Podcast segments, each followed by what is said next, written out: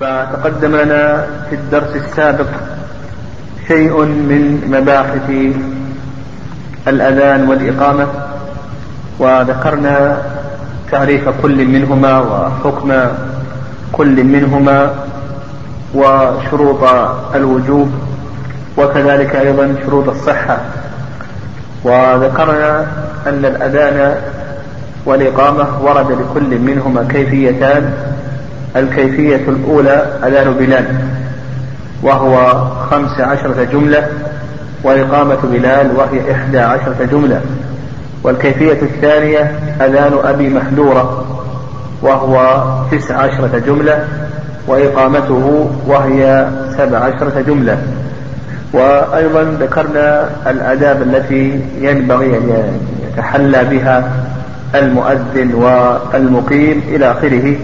وتكلمنا أيضا فيما يتعلق بالتثويب فذكرنا أن العلماء رحمهم الله يطلقون التثويب على ثلاثة معان وأيضا تكلمنا عن حكم إجابة المؤذن. وذكرنا خلاف أهل العلم رحمهم الله. هل إجابة المؤذن على سبيل الوجوب أو على سبيل الاستحباب إلى آخره؟ ذكرنا في ذلك رأيين. وانتهى بنا الكلام إلى أن الراجح ما ذهب إليه جمهور أهل العلم رحمهم الله أن إجابة المؤذن مستحبة وليست واجبة. وذكرنا أيضا تكلمنا أيضا عن بعض أحكام إجابة المؤذن إلى آخره. بقينا في مسألة أخيرة قبل أن ننتهي من باب الأذان والإقامة ونشرع في باب شروط الصلاة شروط الصلاة. وهذه المسألة هي الأذكار الواردة عند إجابة أو بعد إجابة المؤذن.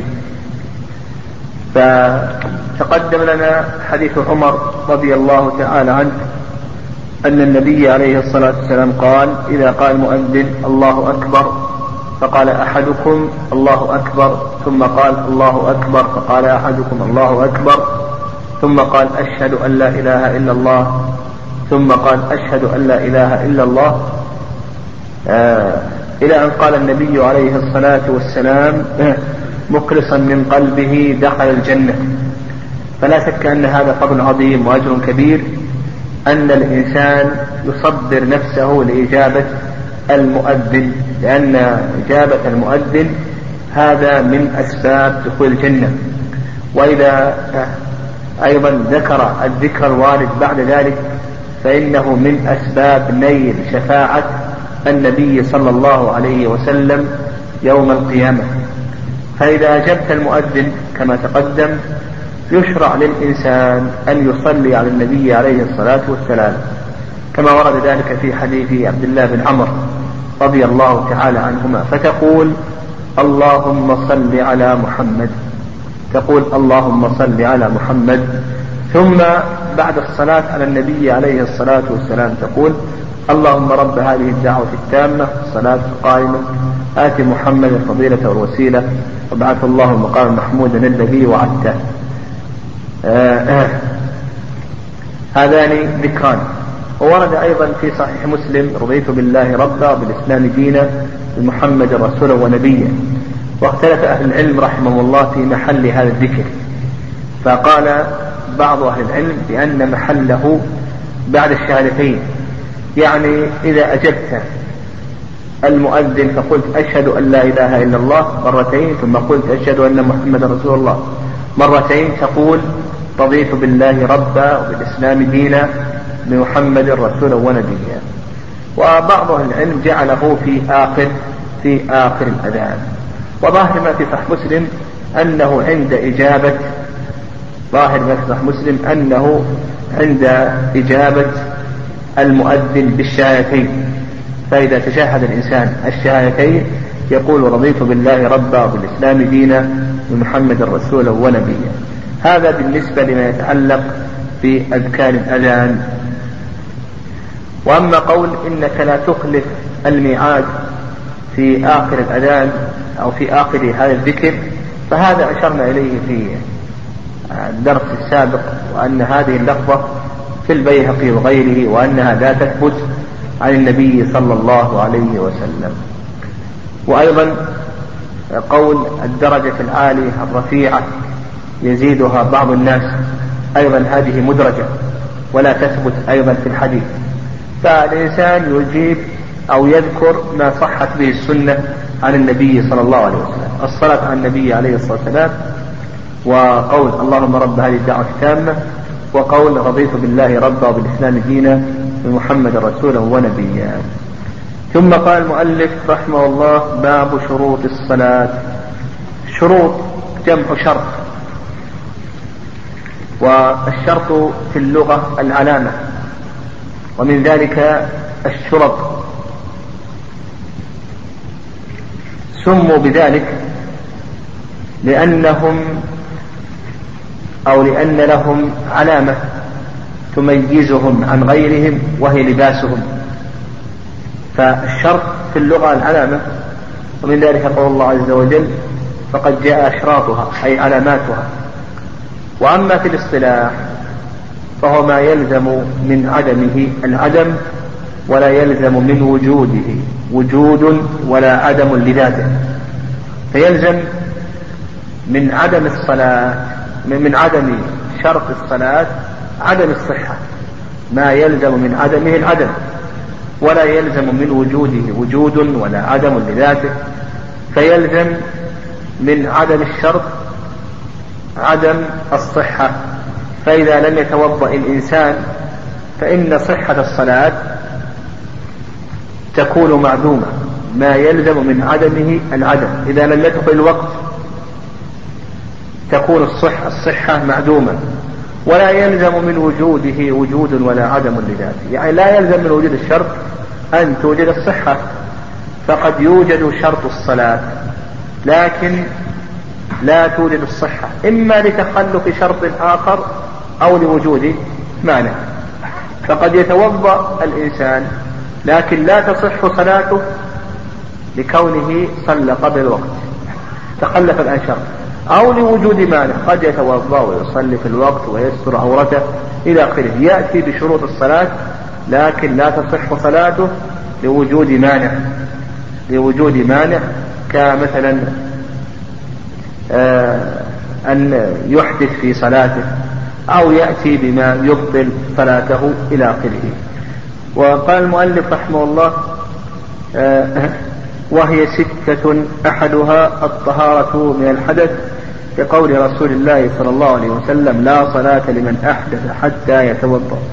هي ستة مؤلف رحمه الله ذكر أنها ستة وبعض أهل العلم جعلها تسعة إلى آخره. فالعلماء يختلفون في تعداد هذه الشروط بناء على ما يظهر لهم من الأدلة من كتاب الله وسنة رسوله صلى الله عليه وسلم.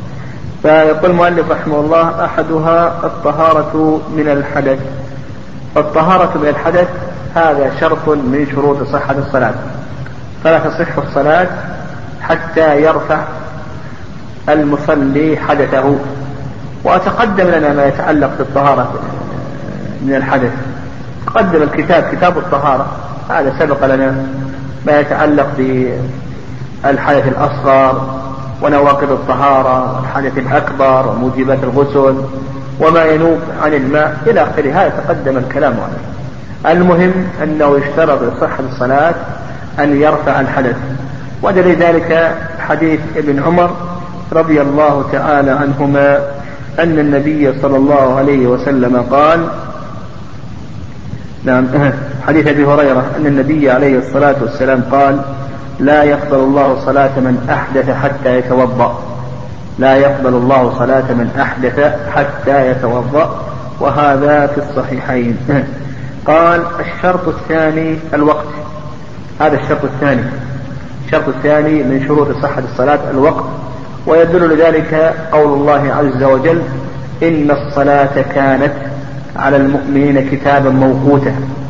كتابا موقوتا. وقوله سبحانه وتعالى أقم الصلاة لدلوك الشمس إلى غسق الليل وقرآن الفجر إن قرآن الفجر كان مشهودا. فقال الله عز وجل أقم الصلاة لدلوك الشمس إلى غسق الليل. دلوك الشمس زوال الشمس وذلك بنصف النهار. إلى غسق الليل غسق الليل شدة ظلمته وذلك عند انتصافه فما بين نصف النهار إلى نصف الليل أربع صلوات الظهر والعصر والمغرب والعشاء. ثم بعد ذلك صلاة الفجر منفردة عن بقية الصلوات. ولهذا أفردها الله عز وجل بالذكر فقال وقرآن الفجر إن قرآن الفجر كان مشهودا. فما بين نصف الليل إلى صلاة الفجر هذا ليس وقتا لشيء من الصلوات الفرائض وما بين طلوع الشمس إلى نصف النهار ليس وقتا لأداء شيء من الفرائض آه، آه. وأما بالنسبة للسنة الدليل من السنة على هذا الشرط فأدلة كثيرة كما سيأتينا إن شاء الله في حديث عبد الله بن عمر حديث بريدة حديث أبي موسى حديث إمامة جبريل بالنبي صلى الله عليه وسلم روى ذلك الحديث ابن عباس وجابر وغيرهم كذلك أيضا حديث أبي هريرة. فالأحاديث كثيرة جدا في المواقيت كما سيأتي بيانها إن شاء الله. قال الشرط الثاني الوقت ووقت الظهر من زوال الشمس إلى أن يصير ظل كل شيء مثله. هذا وقت صلاة الظهر. وقت صلاة الظهر يبدأ من بعد زوال الشمس. إلى أن يصير ظل كل شيء مثله سوى في الزوال ذلك أن الشمس إذا خرجت من المشرق يكون لكل شاخص يعني لكل شيء مرتفع يكون له ظل من جهة المغرب. ولا تزال الشمس تسير من المشرق إلى المغرب ولا يزال هذا الظل ينقص. فإذا تناهى نقصانه تضع في ذلك علامة. تضع علامة. ثم بعد ذلك إذا زاد أدنى زيادة تعرف أن الشمس قد زالت. فيستمر إذا زالت الشمس دخل وقت الظهر وخرج وقت النهي ويستمر وقت الظهر إلى أن يصير ظل كل شيء مثله. يعني الشيء الشاخص هذا لا بد أن يصير ظله طوله. فإذا كان هذا الشاخص طوله متر يكون الظل طوله متر لكن ما نحسب في الزوال يعني الفي الظل الذي زالت عليه الشمس. ذلك أن الشمس إذا زالت يعني تحركت إلى جهة المغرب يكون لكل شاخص في تحته ظل يسير. تضع علامة على هذا الظل اليسير ثم تحسب. من هذه العلامة إلى أن يصير ظل كل شيء مثله. فإذا فرضنا أن هذا الشاخص طوله متر أو طوله متران فأنت تحسب من هذه العلامة متر. وأما شيء الزوال فهذا لا يحسب. فإذا كان هذا الظل طوله متر فاعلم أن وقت الظهر الآن قد خرج ودخل وقت العصر. دخل وقت العصر. ولا فاصل بينهما كما سيأتي بينهما كما سيأتي إن شاء الله. فنفهم أن وقت صلاة الظهر يبدأ من حين زوال الشمس. وبينا أن الشمس إذا كانت تسير من المشرق إلى المغرب فإن كل شاخص يعني كل شيء مرتفع يكون له ظل من جهة المغرب ولا يزال هذا الظل يقصر آه، يقصر. فإذا دا آه، لا يزال هذا الظل يقصر حتى أن الشمس تنتقل إلى جهة المغرب. فإذا انتقلت جهة المغرب وزاد هذا الظل أدنى زيادة. يعني إذا زالت الشمس إلى جهة المغرب يكون لكل شاخص ظل يسير تحته. في هذا يسمى في الزوال. تضع عليه يكون لكل شاخص ظل يسير تحته. في هذا يسمى في الزوال. تضع عليه علامة. تضع عليه علامة. فإذا كان الظل ظل هذا الشخص المرتفع طولا طول هذا الشخص المرتفع ما من حين العلامة ما تحسب الزوال فاعلم أن الشمس قد زالت وأن وقت الظهر قد دخل و نعم. آه، آه، ويستمر وقت الظهر إلى أن يصير ظل كل شيء مثله سوى في الزوال. ويدل لهذا يدل على أن وقت الظهر يبدأ بزوال الشمس كما تقدم قول الله عز وجل أقم الصلاة لدلوك الشمس. ودلوك الشمس هو زوالها. دلوك الشمس هو زوالها. وأيضا حديث عبد الله بن عمرو بن عاص في صحيح مسلم أن النبي صلى الله عليه وسلم قال وقت صلاة الظهر إذا زالت الشمس وكان ظل الرجل كطوله ما لم يحضر وقت العصر. هذا في صحيح مسلم. وقت صلاة الظهر إذا زالت الشمس وكان ظل الرجل كطوله ما لم يحضر وقت العصر. وأيضا يدل ذلك حيث ابن عباس رضي الله تعالى عنهما في إمامة النبي صلى الله عليه وسلم وفي إمامة جبريل بالنبي عليه الصلاة والسلام فإنه صلى به الظهر في المرة الأولى حين زالت الشمس. قال من زوال الشمس إلى أن يصير ظل كل شيء مثله. وهذا دليله كما تقدم لنا من حديث عبد الله بن عمر رضي الله تعالى عنهما. وحديث عبد الله بن عمر أن النبي عليه الصلاة والسلام قال وقت صلاة الظهر إذا زالت الشمس وكان ظل الرجل كطوله ما لم يحضر وقت العصر. أخرجه مسلم. آه، وقوله إلى أن يصير ظل كل شيء مثله آه، سوى في الزوال هذا ما عليه أكثر أهل العلم رحمهم الله. عند أبي حنيفة رحمه الله أن وقت الظهر يستمر إلى أن يصير ظل كل شيء مثلين. يصير ظل كل شيء مثلين. مثلا إذا فرضنا أن هذا الشخص طوله متر فأنت آه، عند أبي حنيفة ما يخرج وقت الظهر حتى يكون طول الظل كم من متر؟ ها؟ يكون طول الظل مترين. أما عند أكثر أهل العلم فإنه يخرج إذا, إذا صار ظل كل شيء كم؟ متر واحد سوى في الزوال عند أبي حنيفة لا يخرج وقت الظهر ولا يدخل وقت العصر حتى يصير ظل كل شيء مثليه مثليه سوى في الزوال والصواب في ذلك الصواب في ذلك ما دل له حديث عبد الله بن عمر رضي الله تعالى عنه فإنه صريح.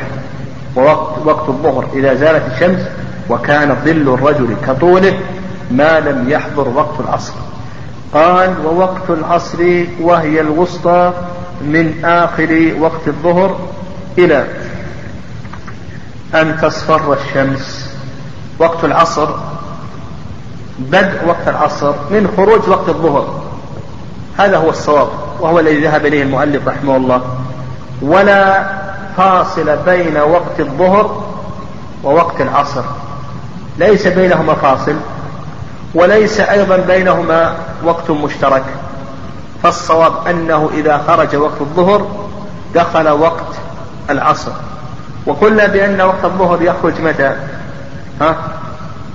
إذا صار ظل كل شيء مثل سوى في الزوال. فإذا صار ظل كل شيء مثل سوى في الزوال خرج وقت الظهر ودخل وقت العصر. ويدل ذلك ما ذكرناه من حديث عبد الله بن عمرو. فإن النبي صلى الله عليه وسلم قال وقت الظهر إذا زالت الشمس وكان ظل الرجل كطوله ما لم يحضر وقت العصر. وقال المؤلف رحمه الله وهي الوسطى يعني أن صلاة العصر هي الصلاة الوسطى آه، التي آه، أشار الله عز التي ذكرها الله عز وجل في قوله حافظوا على الصلوات والصلاة الوسطى. الصلاة الوسطى هذه اختلف فيها أهل العلم رحمه الله كثيرا. ما المراد بالصلاة الوسطى؟ اختلف فيها أهل العلم رحمه الله كثيرا. يعني وذكر المؤلف رحمه الله أن الصلاة الوسطى هي صلاة العصر. يعني وهذا القول هو أصوب الأقوال. هذا القول هو أصوب الأقوال وقد أطال يعني الإنسان إذا رجع إلى كتب المفسرين يذكر يرى الخلاف الكثير في هذه المسألة في تحديد آه، الصلاة الوسطى. آه، خلاف كثير ما يقرب من عشرين قولا في هذه المسألة. لكن الصواب في هذه المسألة ما ذهب إليه المؤلف رحمه الله أن الصلاة الوسطى التي قال الله عز وجل فيها حافظوا على الصلوات والصلاة الوسطى أنها صلاة العصر. ودل ذلك حديث علي رضي الله تعالى عنه أن النبي صلى الله عليه وسلم قال شغلونا عن الصلاة الوسطى صلاة العصر. ملأ الله بيوتهم وقبورهم نارا. وهذا في الصحيحين شغلوا شغلونا عن الصلاة الوسطى صلاة العصر. ملأ الله بيوتهم وقبورهم نارا. قال من آخر وقت الظهر إلى أن تصفر الشمس. قوله إلى أن تصفر الشمس هذا ما ذهب إليه الشافعي رحمه الله أن وقت العصر يمتد إلى اصفرار الشمس. وهذا دليله حديث عبد الله بن عمرو رضي الله تعالى عنهما أن النبي صلى الله عليه وسلم قال ووقت العصر ما لم تصفر الشمس. المشهور من مذهب الإمام أحمد رحمه الله أن وقت العصر يخرج يعني وقت الاختيار يخرج إذا صار ظل كل شيء مثليه. خرج وقت اختيار العصر. وهذه المسألة من قرائب العلم. فإن أبا حنيفة كما تقدم لنا يقول ماذا؟ ها؟ نعم. يقول العصر ما يدخل إلا إذا كان ظل كل شيء مثليه.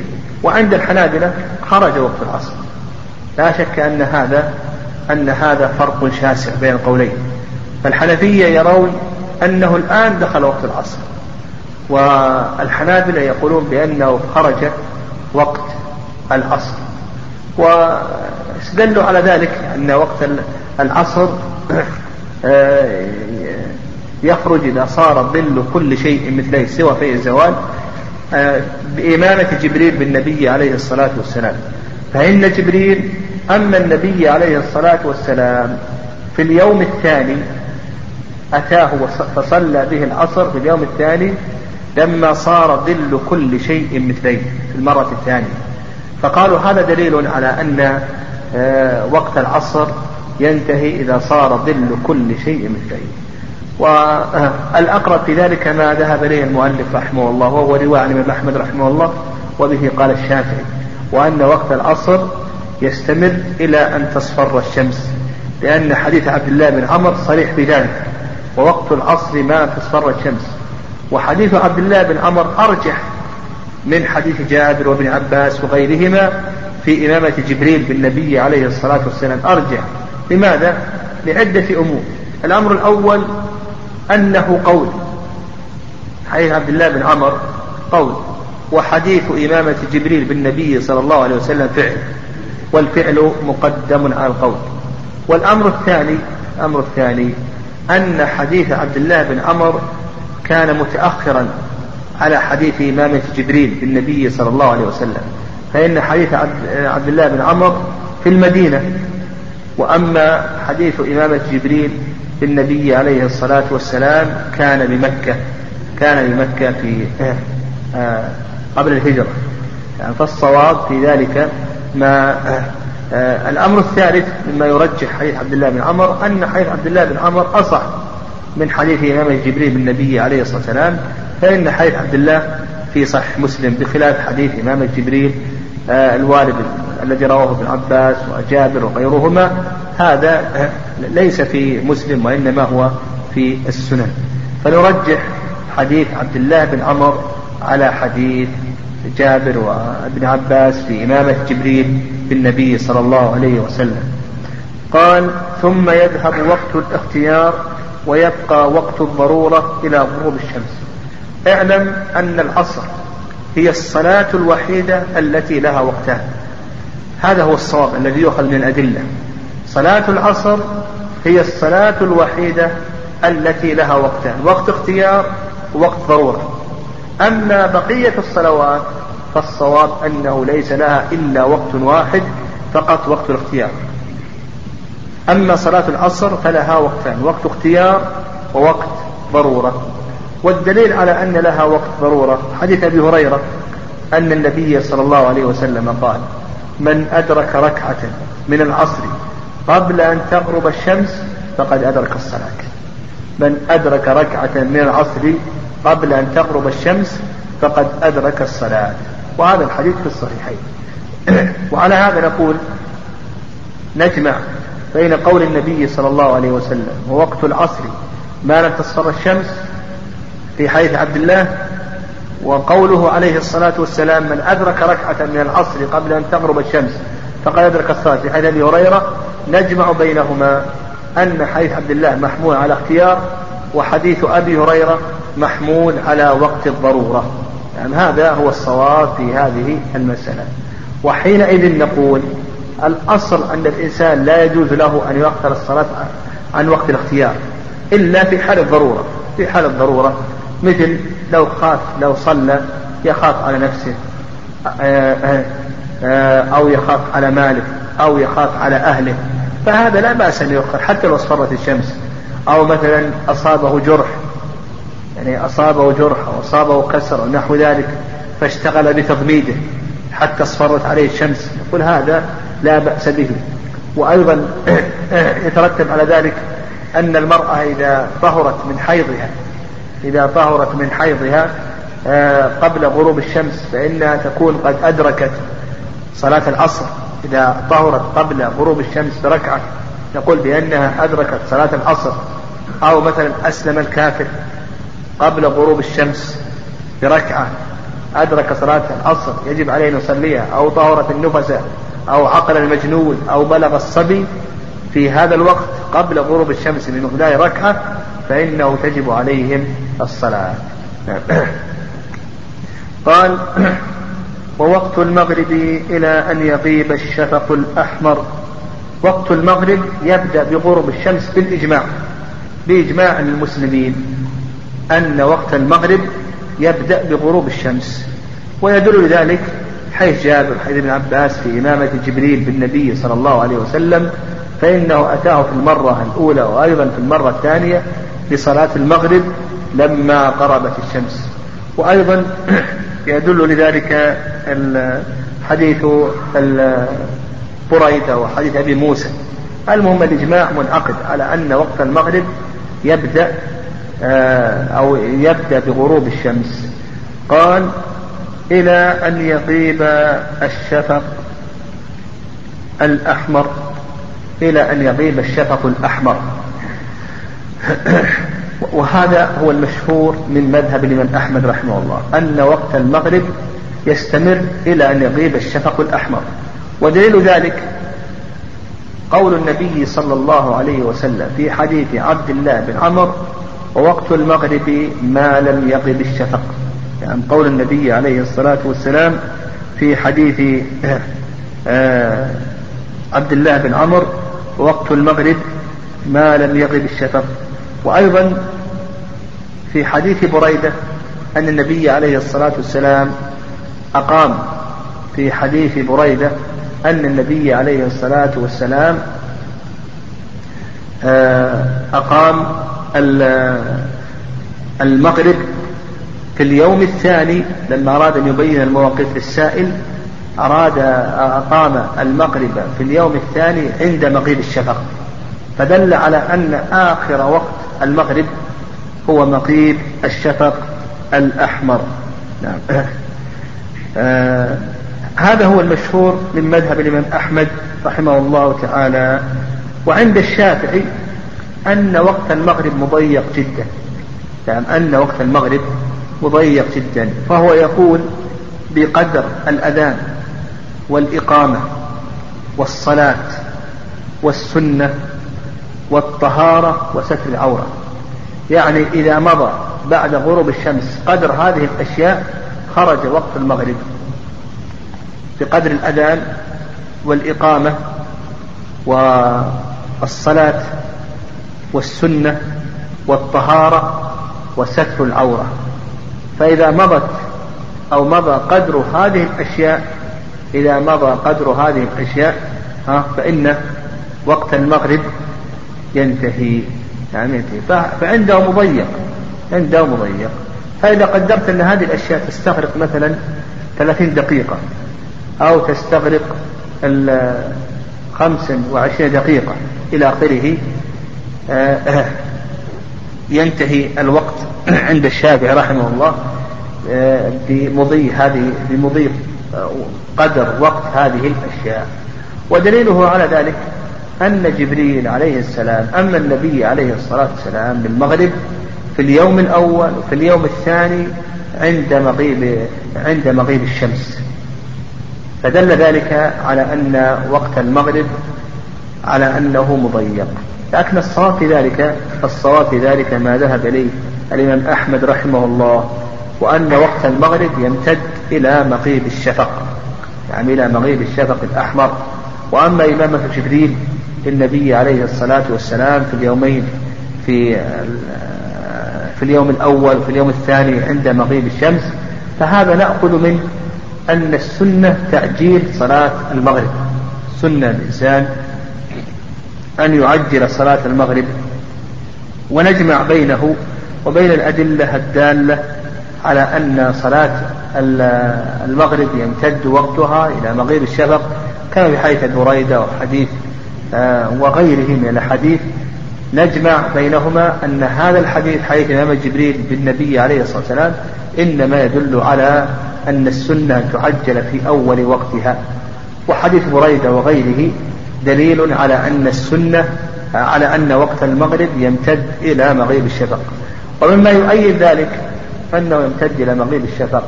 أن النبي عليه الصلاة والسلام قرأ في سورة الأعراف في صلاة المغرب. ولا شك أنه إذا قرأ الإنسان سورة الأعراف في صلاة المغرب أنه سيطيل أكثر مما ذكره الشافعي. يعني فالصواب أنه يمتد إلى مغيب الشفق الأحمر. وهنا قال المؤلف رحمه الله الأحمر. هذا خلاف لأبي حنيفة فإن أبي حنيفة يقول يمتد إلى مغيب الشفق الأبيض. والصواب ما ذهب إليه المؤلف رحمه الله لورود ذلك عن ابن عمر رضي الله تعالى عنهما وهو قول أئمة أئمة أهل اللغة وأئمة التفسير أن المراد بالشفق الشفق الأحمر. ولأن كما ذكر بعض أئمة اللغة أن الشفق الأبيض قد ينتصف الليل وهو لم يغب. فالصواب أن المراد بالشفق هو الشفق الأحمر. وذلك أن الشمس إذا غربت يبقى في الأفق حمرة. يبقى في الأفق حمرة. فلا يزال الوقت وقت المغرب باقيا حتى تغيب هذه الحمرة. قال ووقت العشاء من ذلك إلى نصف الليل ثم يبقى وقت الضرورة إلى طلوع الفجر. نعم. وقت العشاء من ذلك يعني من, من مغيب الشفق. إذا غاب الشفق دخل وقت العشاء. نعم دخل وقت العشاء. ويستمر نعم يستمر على ذلك إلى يقول المؤلف رحمه الله إلى نصف الليل. نعم إلى نصف الليل. آه، آه، وأما بالنسبة كون وقت العشاء يبدأ بمغيب الشفق فهذا دل له حديث بريدة حديث ابي موسى وغيرهما أن النبي عليه الصلاة والسلام صلى العشاء في اليوم الأول حين غاب الشفق ويستمر إلى نصف الليل كما ذكر المؤلف رحمه الله. ذلك حديث عبد الله بن عمرو رضي الله تعالى عنهما أن النبي صلى الله عليه وسلم قال ووقت العشاء إلى نصف الليل وقت العشاء إلى نصف الليل. لكن قال المؤلف رحمه الله ثم يبقى وقت الضرورة إلى طلوع الفجر الثاني. يبقى وقت الضرورة إلى طلوع الفجر الثاني. فأفاد المؤلف رحمه الله أيضا أن وقت العشاء له وقتان أو أن العشاء له وقتان. وقت اختيار إلى نصف الليل ووقت ضرورة إلى طلوع الفجر. وهذا الذي ذهب إليه المؤلف رحمه الله هو مذهب أبي حنيفة. مذهب ابي حنيفة أن العشاء لها وقتان وقت اختيار إلى نصف الليل ووقت ضرورة إلى طلوع الفجر. مذهب الإمام أحمد رحمه الله أن العشاء لها وقتان وقت اختيار إلى ثلث الليل ووقت ضرورة إلى طلوع الفجر. والدليل على أنه إلى ثلث الليل حيث بريدة أن النبي صلى الله عليه وسلم صلى العشاء في اليوم الثاني حين ذهب ثلث الليل. يعني صلى العشاء في اليوم الأول حين غاب الشفق وصلى العشاء في اليوم الثاني حين ذهب ثلث الليل. والنبي عليه الصلاة والسلام أراد أن يبين المواقيت أراد أن يبين أول وقت وآخر وقت. وكذلك أيضا إمام جبريل بالنبي عليه الصلاة والسلام كما في حديث ابن عباس فإنه صلى بالنبي عليه الصلاة والسلام في اليوم الثاني حين ذهب ثلث الليل. فهذان قولان. هذان قولان. قول أول وقت الاختيار إلى ماذا؟ نصف الليل. وقت الضرورة إلى طلوع الفجر. والقول الثاني وقت الاختيار إلى ثلث الليل ووقت الضرورة إلى طلوع الفجر. إلى طلوع الفجر. وعند ابن حزم رحمه الله أن العشاء لها وقت واحد فقط وأنه إلى نصف الليل. وهذا القول هو الصواب. بقول النبي عليه الصلاة والسلام في حديث عبد الله بن عمرو رضي الله تعالى عنهما ووقت العشاء إلى نصف الليل. وقت العشاء إلى نصف الليل. وهذا صريح في التحديد. وأما بالنسبة لما ورد في حديث عائشة أن النبي عليه الصلاة والسلام أعتم. حديث عائشة أن النبي عليه الصلاة والسلام أعتم ذات ليلة حتى ذهب عامة الليل وحتى نام أهل المسجد كما في صحيح مسلم. فالمراد بإعتام النبي عليه الصلاة والسلام أنه أخر العشاء حتى ذهب كثير من الوقت كثير من الوقت. هذا هو الصواب. وليس المراد أكثر الوقت. يعني بل الصواب أن النبي عليه الصلاة والسلام أعتم حتى ذهب كثير من الوقت يعني إلى قرب نصف الليل ثم خرج وصلى. يدل ذلك الرواية الأخرى في صحيح مسلم. فالصواب في هذه المسألة أن وقت العشاء لا يمتد إلى طلوع الفجر وإنما هو إلى نصف الليل. ولم يرد دليل يدل يعني لم يرد دليل صريح يدل على أن وقت العشاء يمتد إلى طلوع الفجر وأن هناك وقت ضرورة للعشاء. بل حديث عبد الله بن عمر صريح أن وقت العشاء إلى نصف الليل. وأما ما روي عن الصحابة رضي الله تعالى عنهم في المرأة إذا طهرت قبل الفجر فإذا طهرت قبل الفجر فإنها تصلي المغرب والعشاء.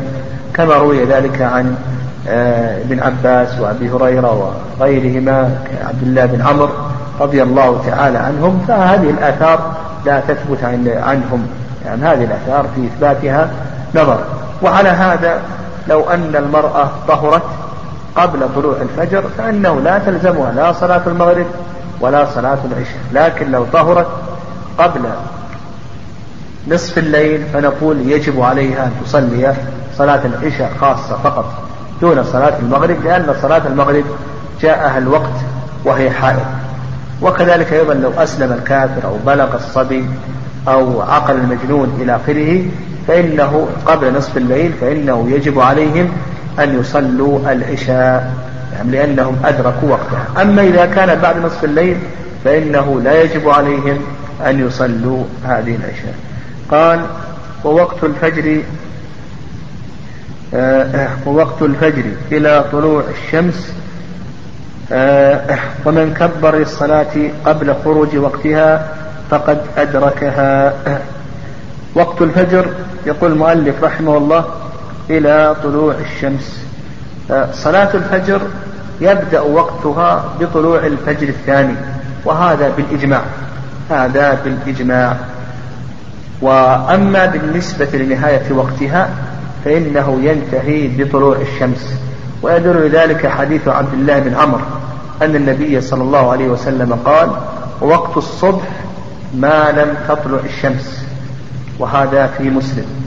وأيضا في حديث بريدة أن النبي صلى الله عليه وسلم أمر بلالا فأقام الصلاة في اليوم الأول للفجر حين طلع الفجر ثم أمره في اليوم الثاني فأقام الصلاة حين أسفر جدا يعني قبل طلوع الشمس.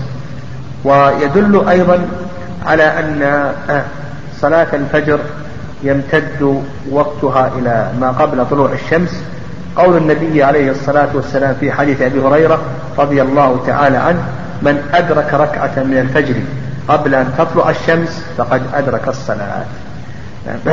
فصلاة الفجر ليس لها إلا وقت واحد من طلوع الفجر إلى طلوع الشمس. ودليل ذلك كما أسلفنا حديث عبد الله بن عمر أن النبي عليه الصلاة والسلام قال وقت الصبح ما لم تطلع الشمس. وهذا يدل على أن أن لها وقتا واحدا فقط. خلافا لما ذهب إليه الإمام مالك أن وقت الفجر لها وقتان وقت اختيار الأسفار وقت ضرورة طلوع الشمس وهذا ليس بصواب بل الحديث ظاهر ليس لها إلا وقت واحد. وقت الصبح ما لم تطلع الشمس. فالصواب أنه ليس لها إلا وقت واحد كما هو المشهور من مذهب الإمام أحمد رحمه الله. قال ومن كبر للصلاة قبل خروج وقتها فقد أدركها. من كبر للصلاة قبل خروج وقتها فقد أدركها. الإدراكات يعني سائر الإدراكات وأنه المؤلف رحمه الله هنا قيد إدراك الوقت بالتكبير يعني بالتكبير. فعلى هذا لو أن الإنسان كبر للصلاة لصلاة العصر أو صلاة الفجر أو غير ذلك من الصلوات قبل خروج وقتها فإنه يكون أدركها وصلى الصلاة في وقتها. والصواب أن الوقت لا يدرك إلا بإدراك ركعة. لحديث أبي هريرة رضي الله تعالى عنه أن لحديث أبي هريرة رضي الله تعالى عنه أن النبي صلى الله عليه وسلم قال من أدرك ركعة من الصلاة فقد أدرك الصلاة. من أدرك ركعة من الصلاة فقد أدرك الصلاة. وهنا قاعدة. قاعدة نقول بأن سائر الإدراكات يعني دل لها هذا الحديث حديث أبي هريرة نقول سائر الإدراكات تتعلق بإدراك ركعة. وهذا يدخل تحته مسائل كثيرة. أذكر من هذه المسائل أولا أول الوقت. أول الوقت لا يدرك إلا بإدراك ركعة. وعلى هذا إذا دخل الوقت إذا دخل الوقت ثم حاضت المرأة أو نفست أو جن يعني آه ونحو ذلك طرأ العذر بعد دخول بعد دخول الوقت. فنقول إن كان أدرك ركعة من أول وقت يكون أدرك الوقت. فيجب عليه أن يقضي هذه الصلاة إذا زال العذر. فمثلا عندنا امرأة طاهر ثم حاضت بعد أن أدركت ركعة فأكثر من الوقت. فنقول يجب عليها إذا طهرت أن تقضي هذه الصلاة أو نفست يعني ولدت. فنقول يجب عليها إذا آه، طهرت من نفاسها أن تقضي هذه الصلاة أو جن. نقول يجب عليه إذا عقل أن يقضي هذه الصلاة إلى آخره. فأول وقت يدرك بأي شيء بركعة. يعني خلاف لما أشار إليه المؤلف رحمه الله ذهب إليه المؤلف رحمه الله أن أول وقت يدرك بتكبيرة. فالصواب أنه يدرك بركعة ودل ذلك حديث أبي هريرة. أيضا المسألة الثانية آخر الوقت. آخر الوقت نقول بأنه يدرك بركعة.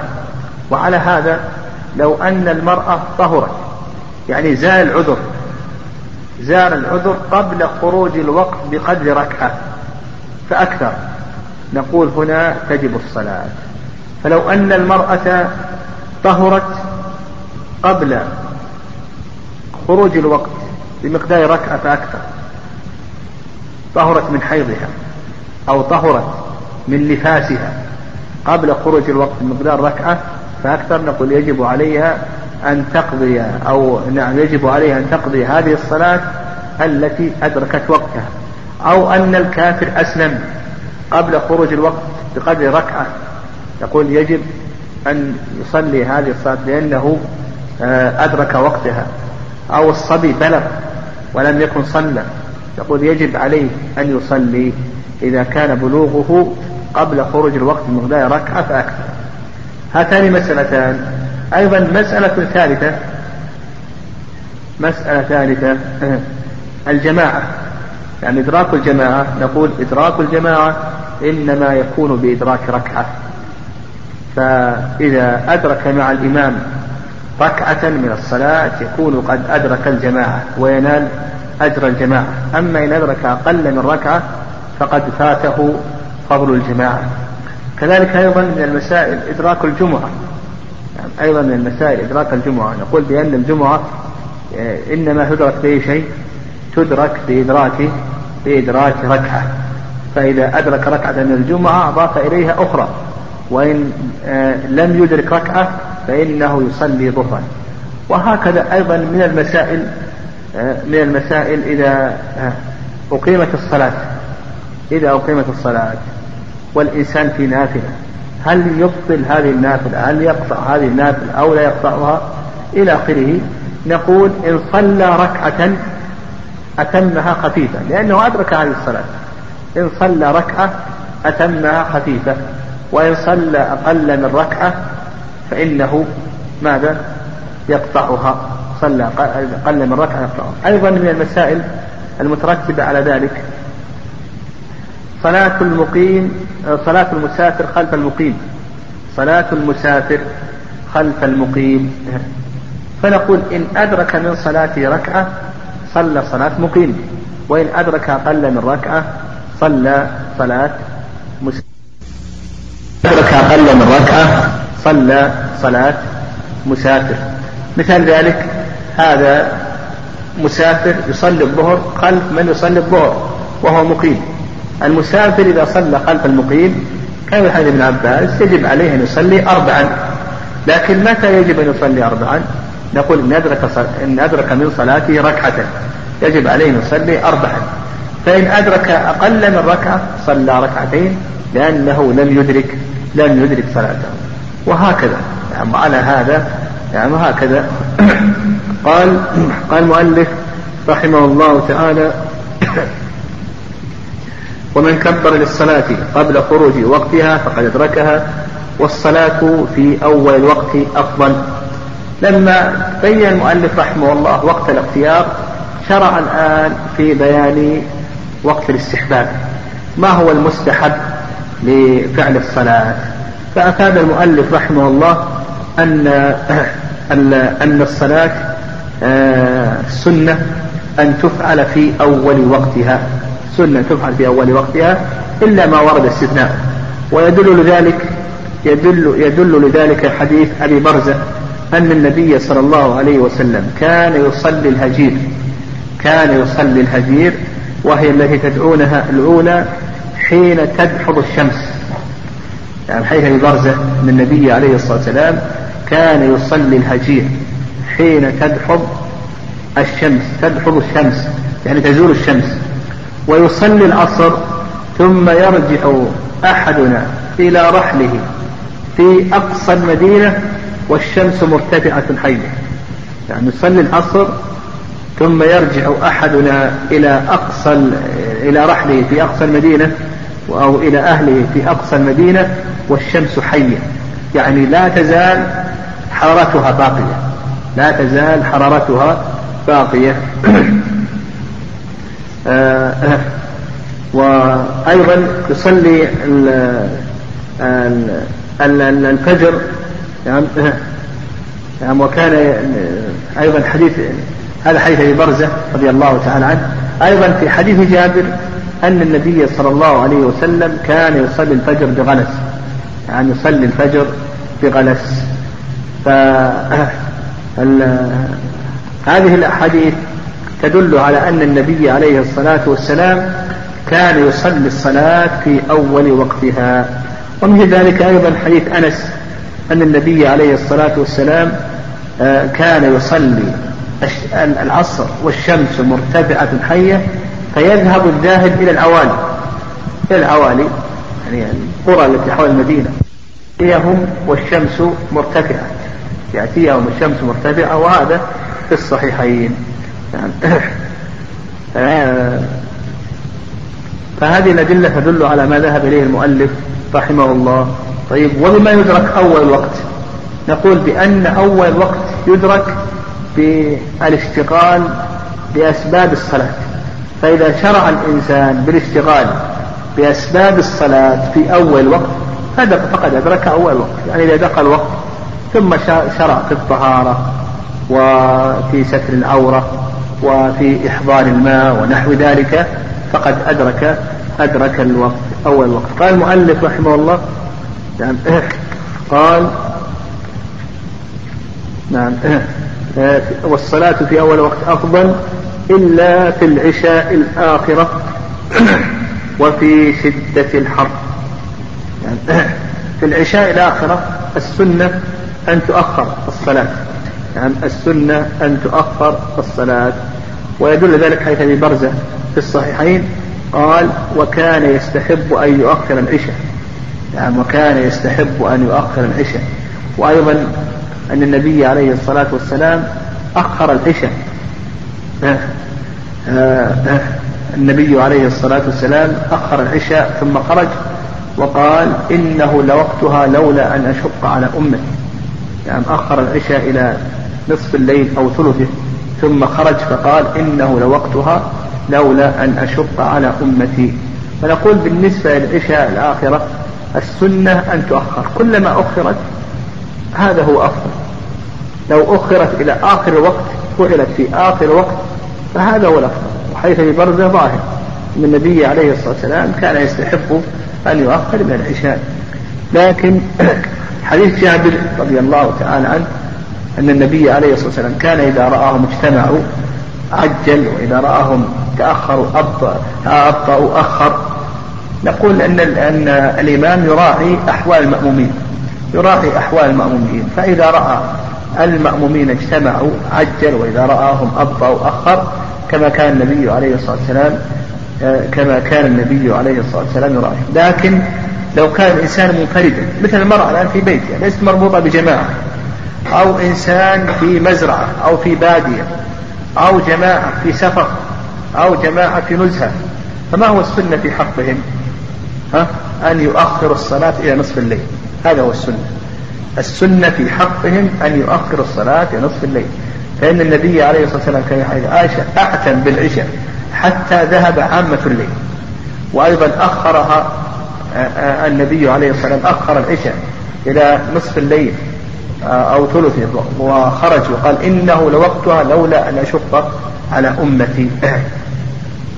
فإذا كان الإنسان ليس مرتبطا بجماعة فالسنة أن يؤخر العشاء إلى نصف الليل بحيث يصليها قبل انتصاف الليل لأن انتصاف الليل يخرج به وقت العشاء. لكن إذا كان مرتبطا بالجماعة فإنه يصلي مع الناس والإمام يراعي أحوال المأمومين إذا رآهم اجتمعوا عجل وإذا رآهم أبطأوا أخر آه قال المؤلف رحمه الله وفي شدة الحر. نعم. أيضا في شدة الحر السنة أن تؤخر الصلاة لحيث أبي هريرة أن النبي عليه الصلاة والسلام قال أبردوا بالظهر في شدة الحر فإن شدة الحر من فيح جهنم. حديث أبي هريرة في الصحيحين أن النبي عليه الصلاة والسلام قال أبردوا بالظهر في شدة الحر فإن شدة الحر من فيح جهنم. فيشرع يشرع للإنسان أن يبرد وقول قول المؤلف رحمه الله في شدة الحر الظهر ظاهر كلامه أنه يشمل من يصلي جماعة ومن لا يصلي جماعة وهذا القول هو الصواب. هذا القول هو الصواب. أن شدة الحر يشرع الإبراد بها إلى قرب العصر إذا اشتد الحر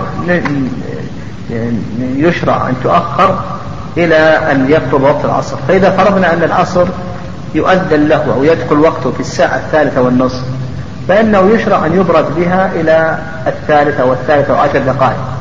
نبرد بها إلى الثالثة أو الثالثة وعشر دقائق. يعني هذا هو السنة. يعني هذا هو السنة. ويدل ذلك حيث أبي ذر من النبي عليه الصلاة والسلام أبرد.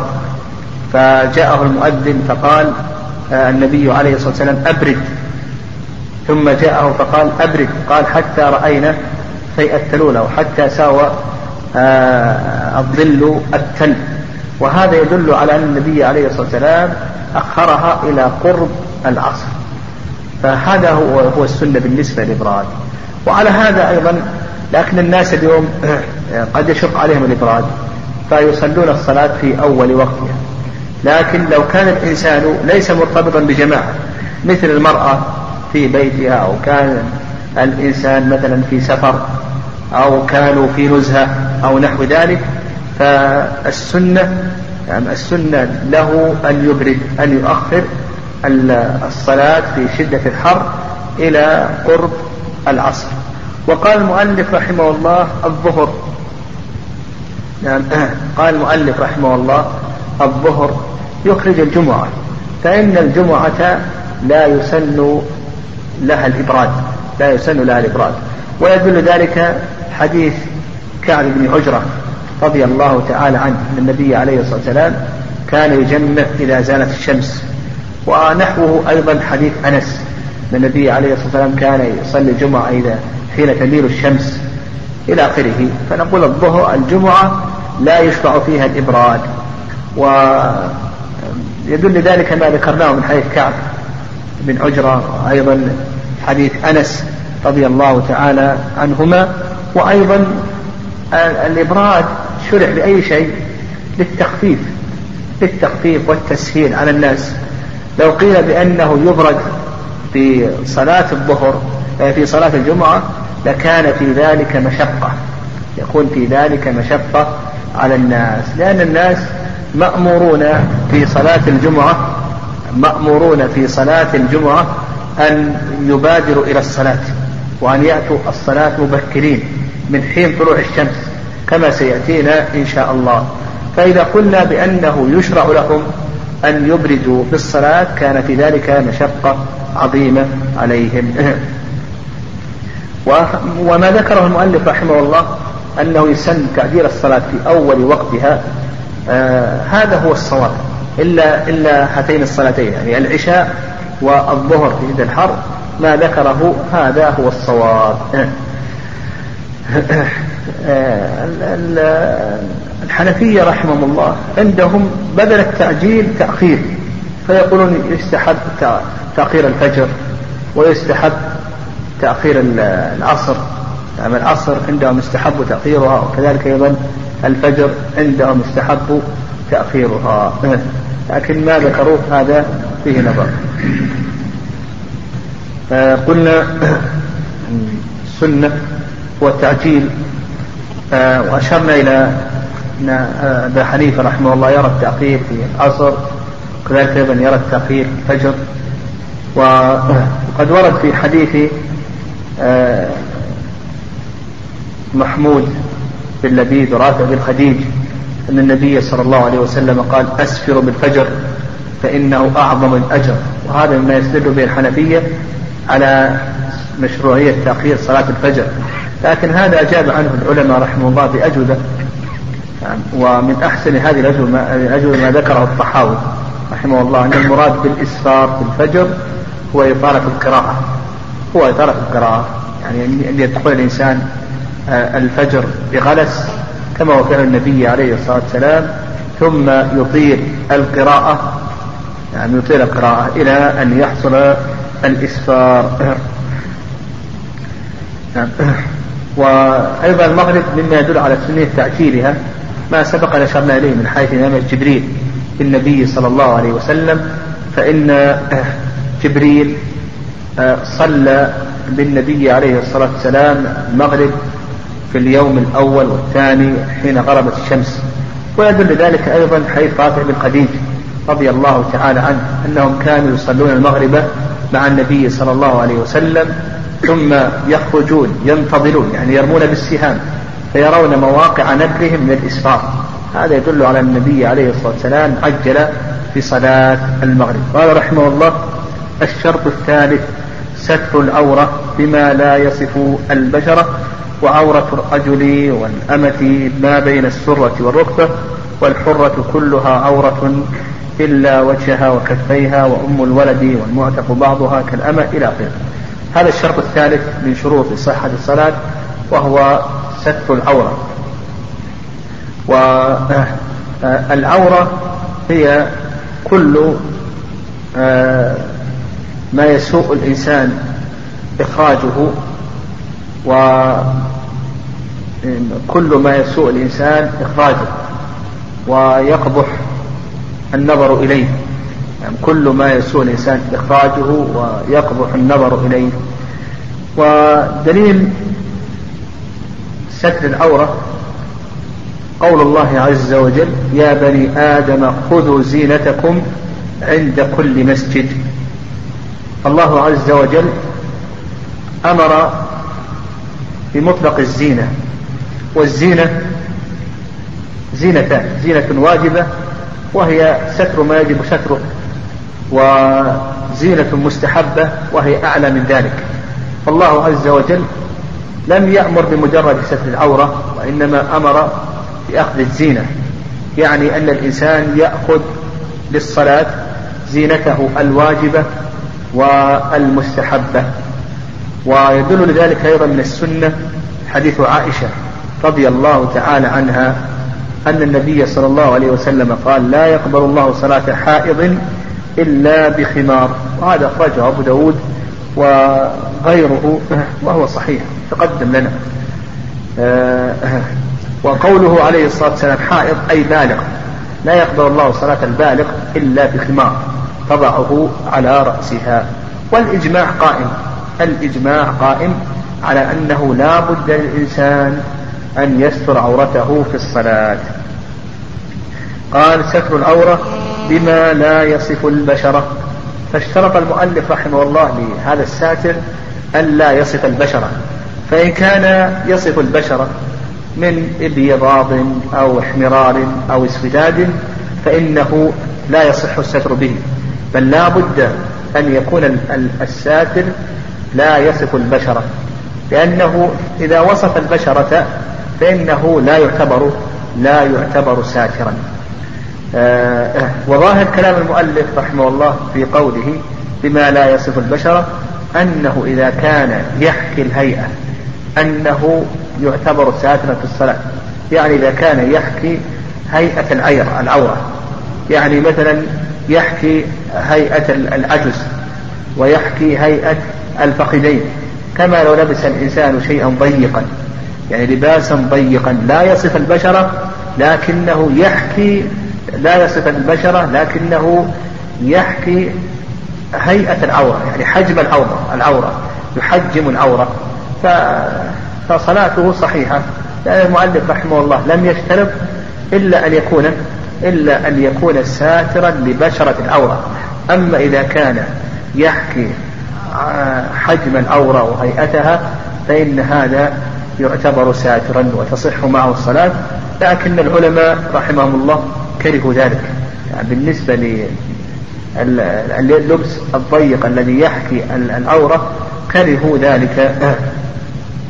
ويظهر من من الحديث حديث عائشة أن النبي عليه الصلاة والسلام قال صنفان من أهل النار لم أرهما بعد وذكر منهما نساء كاسيات عاريات أن المرأة إذا لبست ثوبا ضيقا يحكي آه، مقاطع جسمها من العجيزة والفخذين والثديين وغير ذلك أن هذا محرم ولا يجوز. وقد ذكر شيخ الإسلام تيمية رحمه الله أن من صفات الكاسية العارية أن تلبس ثوبا تكتسي به لكنه شفاف يصف البشرة أو أنها تلبس ثوبا تكتسي به لكنه قصير. أو تلبس ثوبا تكتسي به لكنه ضيق يحكي الهيئة. المهم الخلاصة في ذلك أنه يشترط للساتر آه، ألا يصف البشرة يعني لون الجلد. أما بالنسبة للهيئة إذا كان يصف الهيئة فإنه آه، فإن الصلاة معه صحيحة لكن هذا ينهى عنه كما تقدم من حديث عائشة رضي الله تعالى عنها حديث صنفان من النار إلى آخره. قال وعورة الرجل والأمة ما بين السرة والركبة والحر والحرة كلها عورة إلا وجهها وكفيها وأم الولد والمعتق بعضها كالأمة إلى آخره. نقول أقسام الناس في العورة في الصلاة ثلاثة أقسام. القسم الأول القسم الأول من عورته مغلظة في باب الصلاة. عورته مغلظة في باب الصلاة. وهذا وهي عورة الأنثى البالغة. الأنثى البالغة سواء كانت حرة أو أمة على الصواب. نقول هذه عورتها عورة مغلظة في باب الصلاة. فيجب عليها أن تستتر يعني يجب عليها أن تستر كل بدنها وأيضا يجب عليها أن تستر رأسها. بقول النبي عليه الصلاة والسلام لا يقبل الله صلاة حائض يعني بالغ إلا بخمار. فلا بد أن تستر كل البدن ولا بد أيضا أن تستر الرأس أن تختمر. لكن بقينا في الكفين والقدمين. هل يجب عليها أن تسترهما أو لا يجب عليها أن تسترهما؟ ذكر المؤلف رحمه الله أنه يجب عليها أن تستر قدميها وكفيها.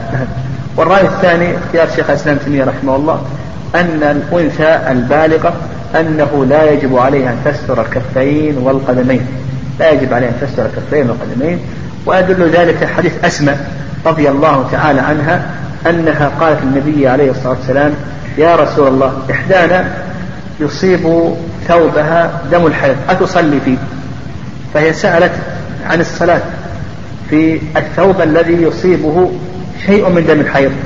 فأرشدها النبي عليه الصلاة والسلام إلى تطهيره ورخص لها أن تصلي فيه. وذكر شيخ الإسلام تيمية رحمه الله أن ثياب نساء الصحابة إذا كن في البيوت يقول ثوبها من الأسفل إلى الكعب. إلى الكعب. وأما من جهة الكم إلى الرزق. يعني من جهة الأسفل إلى الكعب وأما من جهة الكم إلى الرزق. يعني بدا كفاها وبدا أيضا قدماها. فرخص لها النبي عليه الصلاة والسلام أن تصلي في هذا الثوب وأوجب عليها أن تستر ماذا؟ الرأس. في قوله في قوله عليه الصلاة والسلام لا يقبل الله صلاة حائض إلا بخمار. وأما حديث أم سلمة الذي استدل به المؤلف رحمه الله أنها قالت يا رسول الله تصلي المرأة في درع وخمار ليس عليها إزار. فقال نعم إذا كان سابقا يغطي ظهور قدميها. نعم إذا كان سابقا يغطي ظهور قدميها. حيث سلمة أنها قالت يا رسول الله تصلي المرأة في درع وخمار وليس عليها إزار. فقال نعم إذا كان سابقا يغطي ظهور قدميها هذا لا هذا موقوف على أم سلمة رضي الله تعالى عنها. والدرع نعم هو هو القميص. نعم نعم هو القميص. لكن هذا موقوف على أم سلمة. فتلخص لنا القسم الأول وهي العورة المغلظة. وهي عورة ماذا؟ ها؟ عورة الأنثى البالغة. فنقول هذه عورة كلها. الوجه ليس عورة هذا محل اتفاق. لكن بالنسبة للقدمين والكفين هل يجب عليها تسترهما في الصلاة أو لا يجب عليها تسترهما في الصلاة؟ إلى آخره ذكرنا كلام أهل العلم رحمهم الله وخلافهم في هذه المسألة. القسم الثاني القسم الثاني الأنثى التي لم تبلغ. نعم الأنثى التي لم تبلغ. ويدخل في هذا المراهقة ويدخل في هذا المميزة إلى آخره التي لم تبلغ. فنقول هنا تصلي في آه، آه، الثوب. تستر بدنها. تستر بدنها ويباح لها أن تكشف رأسها. يعني إذا صلت في ثوبها صلت في ثوبها سترت بدنها بالثوب وأبدت الكفين والقدمين والرأس فإن صلاتها صحيحة ولا يجب عليها أن تستر الرأس. الرأس هذا لا يجب عليها أن تستره. في قول النبي عليه الصلاة والسلام لا يقبل الله صلاة حائض إلا بخمار. فيفهم من ذلك أن غير الحائض غير البالغ إذا صلت بغير خمار أن صلاتها ماذا؟ صحيحة. أن صلاتها صحيحة. كالبنت إذا صلت وهي لم تستر الرأس وصلت في ثوبها ولم آه، يبدو منها إلا الرأس والوجه والكفان والقدمان فنقول بأن صلاتها صحيحة. هذا القسم الثاني. الأنثى التي لم تبلغ فهذه تستتر إلا ما يتعلق بالرأس والوجه والكفين والقدمين. هذه لا يجب عليها أن تسترهما أن تسترهما. ولذلك ما أشرت إليه من حديث عائشة رضي الله تعالى عنها. القسم الثالث عورة الذكر. يعني القسم الثالث عورة الذكر هذا عورته ما بين السرة إلى الركبة. فيجب عليه في باب الصلاة أن يستر ما بين سرته وركبته. هذا هو القسم الثالث. ولذلك حيث عمرو بن شعيب عن أبي عن جده أن النبي عليه الصلاة والسلام قال ما بين السرة والركبة. عورة أيضا حيث جرهد أن النبي عليه الصلاة والسلام قال قط فخذك و غير ذلك من الحديث كحديث أبي أيوب وغير ذلك آه هذه كلها تدل على أن الإنسان لا بد أن يستر إذا كان ذكرا لا بد أن يستر ما بين سرته وركبته نعم. أما بالنسبة لستر أحد المنكبين إلى آخره فهذا الصواب أنه لا يجب لا يجب على الذكر أن يستر ما بين المنكبين أحد المنكبين كما هو أو أحد عاتقين كما هو قول الحنابلة رحمه الله. فأصبحت أو الناس في أقسام العورة في باب الصلاة ينقسمون إلى هذه الأقسام الثلاثة. نقف على هذا. نعم يقول الأخ السائل هل يشترط أن يكون المقيم بالصلاة هو نفس المؤذن؟ يقول هذا ليس بشرط لكن هذا هو السنة. السنة أن من أذن فهو يقيم. وقد روي عن النبي عليه الصلاة والسلام أنه قال من أذن فهو يقيم لكن هذا الحديث ضعيف. لكن نستفيد السنية على هذا أن آه، بلالا رضي الله تعالى عنه كان يتولى الأذان للنبي عليه الصلاة والسلام وكذلك أيضا يتولى الإقامة. فالمؤذن في عهده عليه الصلاة والسلام كان يتولى الأذان ويتولى أيضا الإقامة. يقول هذه امرأة مر عليها حوالي سبع سنوات متزوجة ولم ترزق بأولاد وقد طلب منها زوجها إجراء عملية إطفاء الأنابيب وهي متوقفة خوفا أن يكون ذلك غير جائز في الشرع. إلى آخره. بالنسبة لما يتعلق بأطفال الأنابيب هذه المجمع مجمع الفقه الإسلامي بحث هذه المسألة وقسموا ما يتعلق بأطفال الأنابيب إلى سبعة أقسام. يعني ذكروا لعمليات أطفال الأنابيب ذكروا سبعة أقسام.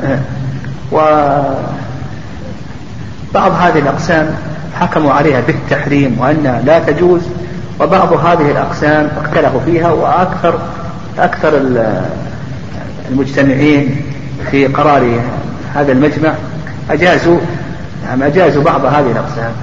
فالسائل عليه أن يستفصل بالنسبة أو يستفصل عن الطريقة التي يعمل بها هذا الطفل. ويحكم عليه حسب ما ذكره أهل العلم رحمه الله من الأقسام التي وجدت واستجدت. يقول إذا طهرت المرأة قبل نصف الليل فهل يلزمها صلاة المغرب؟ آه نعم نقول لا تلزمها صلاة المغرب. الصواب أن المرأة إذا طهرت في وقت صلاة أنها لا تلزمها إلا الصلاة التي طهرت في وقتها. وهذا مذهب أبي حنيفة رحمه الله. وأن الصلاة التي تجمع إليها لا تلزمها. ويدل لذلك حديث عائشة رضي الله تعالى عنها أن النبي عليه الصلاة والسلام قال أليس إذا حاضت لم تصلي ولم تصم وأيضا قول عائشة كنا نؤمر بقضاء الصوم ولا نؤمر بقضاء الصلاة. فهنا لا تؤمر المرأة بقضاء الصلاة. وقد مر هذا الوقت يعني وقت الظهر مثلا أو وقت المغرب مثلا مر وهذه المرأة حائض. فإذا كانت حائضا فإنها تؤمر بقضاء الصوم ولا تؤمر بقضاء الصلاة. يقول إمام صلى بالجماعة وتذكر في الركعة الثانية أنه غير طاهر وواصل الصلاة فماذا عليه؟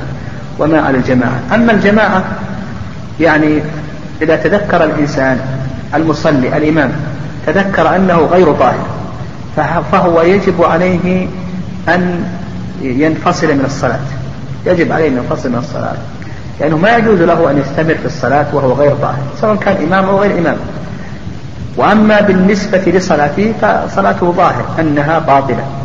لأن لأن لما تقدم لنا من قول النبي عليه الصلاة والسلام لا يقبل الله صلاة أحدكم إذا أحدث حتى يتوضأ. أما بالنسبة لصلاة المأمومين فصلاتهم صحيحة. لحديث أبي هريرة في صحيح البخاري أن النبي صلى الله عليه وسلم قال يصلون لكم. فإن أصابوا فلكم ولهم وإن أخطأوا فلكم وعليهم. فهذا الإمام كونه أخطأ فهذا لنا وعليه. ويأتم في كونه استمر في هذه الصلاة.